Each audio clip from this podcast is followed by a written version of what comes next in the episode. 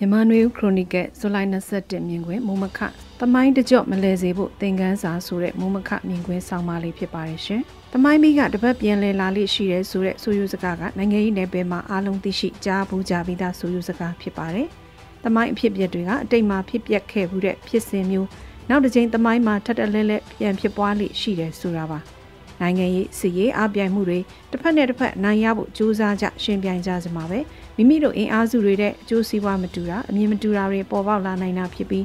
အဲ့လိုကာလမှာအင်အားစုကြီးတွေကခွဲထွက်တာကွဲသွားတာတွေဖြစ်လာတဲ့သဘောမျိုးတပတ်အရင်ကအတူတူလက်တွဲလှုပ်ဆောင်ခဲ့ကြတဲ့သူတွေကြားကွဲပြားသွားတဲ့ရက်ဒီချက်အကျိုးစီးပွားကြောင့်ပြိပခဖြစ်ကရန်ဘက်များလာတာမျိုးတွေဖြစ်လာတဲ့အဖြစ်မျိုးတွေတိတ်သမိုင်းမှာရှိခဲ့ကြတာဖြစ်ပါတယ်။ တစ်ချိန်နဲ့တစ်ချိန်အဖြစ်အပျက်တွေတိုင်းမှာအစအဆုံးအကြောင်းအရာဖြစ်ပျက်ပုံတထရာတဲ့တူညီလိမ့်မယ်လို့တော့မဆိုနိုင်ပါဘူးအဖြစ်ပြတိုင်းမှာရေဘူးရတူညီတဲ့လက္ခဏာတွေရှိသလိုတိကျကွဲပြားခြားနားတဲ့ဝိသေသလက္ခဏာတွေလည်းရှိကြတာအမှန်ပဲဖြစ်ပါတယ်။အခုရည်ညွှန်းတဲ့သမိုင်းဘီတကြော့ပြန်လဲတဲ့ဆိုတဲ့အဖြစ်ပြက်ကလက်တလုံးတက်တန်းဆယ်စုနှစ်ခုနှစ်ခုရှိပြီဖြစ်တဲ့ KNU အဖွဲ့ရဲ့လက်တန်းတစ်ခုဖြစ်တဲ့ KNDO တပ်ဖွဲ့ရဲ့စေဦးစီးချုပ်ဖြစ်ကနေမကြသေးတဲ့လပိုင်းမှာတာဝန်ရဆိုင်ခံထားရသူဦးစီးပြီးမြမကင်းတက်မတော် ကော့တူးလီအာမီဖွဲ့စည်းလိုက်တဲ့အဖြစ်ကိုဆိုချင်တာဖြစ်ပါတယ်။ဒီအဖြစ်ပြက်က1994 95ခုနှစ်တွေတုန်းကဖြစ်ပျက်ခဲ့တဲ့ KNU ကနေ DKBA တက်ခွဲထွက်သွားခဲ့တဲ့အဖြစ်အပျက်နဲ့နှိုင်းယှဉ်ကြည့်စရာသမိုင်းအဖြစ်ပြက်ချင်းနှိုင်းယှဉ်စရာဖြစ်လာပါတယ်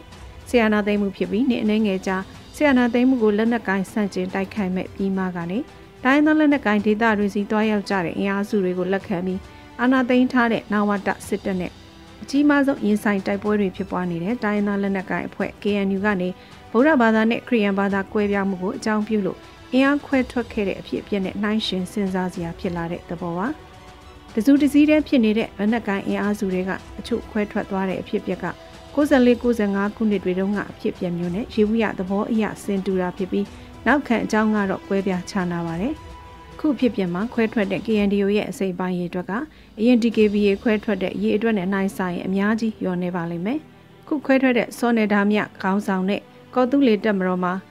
ဆီယနာသိမ်းမှုပြီးလက်နက်ကိုင်းမှုတောခိုခဲ့ကြတဲ့ PDF လူငယ်တွေကအင်အားတချို့စူးစီးပါဝင်နေကြတာဖြစ်ပါတယ်။ကြာသေးခင်ကဖြစ်ပွားခဲ့တဲ့ဥက္ကဋ္ဌစခန်းသိမ်းမှုစူးစမ်းခဲ့ကြတဲ့စစ်စင်းမှာ KNDO ရဲ့စစ်ကြောင်းတွေကဦးစီးခဲ့ကြပြီး PDF လူငယ်တွေလို့ခေါ်ဆိုကြတဲ့တောခိုသွားတဲ့လူငယ်တွေပူးပေါင်းပါဝင်ခဲ့ကြတာဖြစ်ပါတယ်။စောနေရများကိုယာရုမှရန်နာခဲ့တဲ့အဖြစ်အပျက်ကကင်းပြည်နယ်ဝေါ်လီကနဲလေးချီရွာနာကတရားဆောက်လုပ်ရေးလုပ်ငန်းခွင်ကရက်သား40ကျော်ဖမ်းဆီးပြီးနောက်သရှိုးလို့ဆွဆွဲခံရတဲ့25ဦးဝန်းကျင်ကိုအစုလိုက်ပြုံလိုက်တက်ခဲ့တဲ့ဖြစ်ရက်က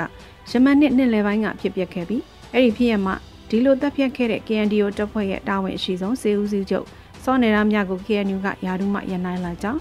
အခုနှစ်ဇန်နဝါရီလမှာကြေညာခဲ့ပါတယ်။ဒါပေမဲ့စောနေရမြအနေနဲ့ KNU ရဲ့ဆုံးဖြတ်ချက်ကိုလက်မခံပဲသူ့အနေနဲ့ KNDO ရဲ့စေဦးစီးချုပ်ဖြစ်ဆက်လက်တည်ရှိနေတယ်လို့ကြေညာခဲ့တာဖြစ်ပါတယ်။ဒီလို KNU ဘဟုရဲ့အမိန့်ထုတ်ပြန်ချက်ကိုအကောင့်ထဲပေါ်ဖို့လိုက်နာခြင်းမပြုတဲ့စောနေရများကဆက်လက်တာဝန်ယူထားတဲ့အခြေအနေတွေ6လလောက်ဆက်လက်ဖြစ်ပွားနေရကခုလိုခွဲထွက်ကြောင်းကြေညာလိုက်တာဖြစ်ပါတယ်။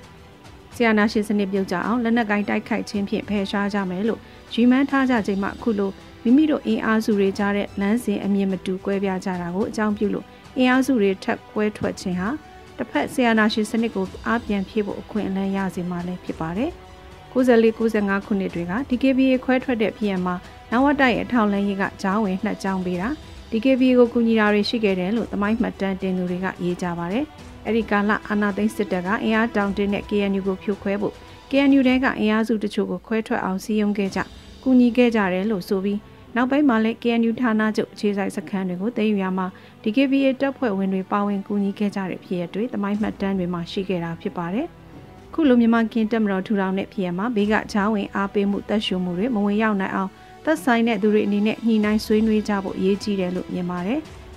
ဒီလိုမဟုတ်ခဲ့ရင်အတိတ်ကသမိုင်းတစ်ပတ်ပြန်လဲတဲ့ဆိုတာမျိုးအရင်ကရဲဘော်ဖြစ်ခဲ့တဲ့သူအချင်းချင်းပြန်လဲတိုက်ခိုက်နေရတဲ့အခြေအနေမျိုးတွေနဲ့ကြုံတွေ့ရနိုင်ခြေတွေရှိပြီးအားလုံးရဲ့ဘုံရန်သူဖြစ်တဲ့ဆီယာနာရှင်စနစ်ကိုတိုက်ဖျက်ရေးမှာအင်အားကွဲပြားပြီးချိနဲ့လာနိုင်စရာတွေလည်းရှိနေတာဖြစ်ပါတယ်ရှင်။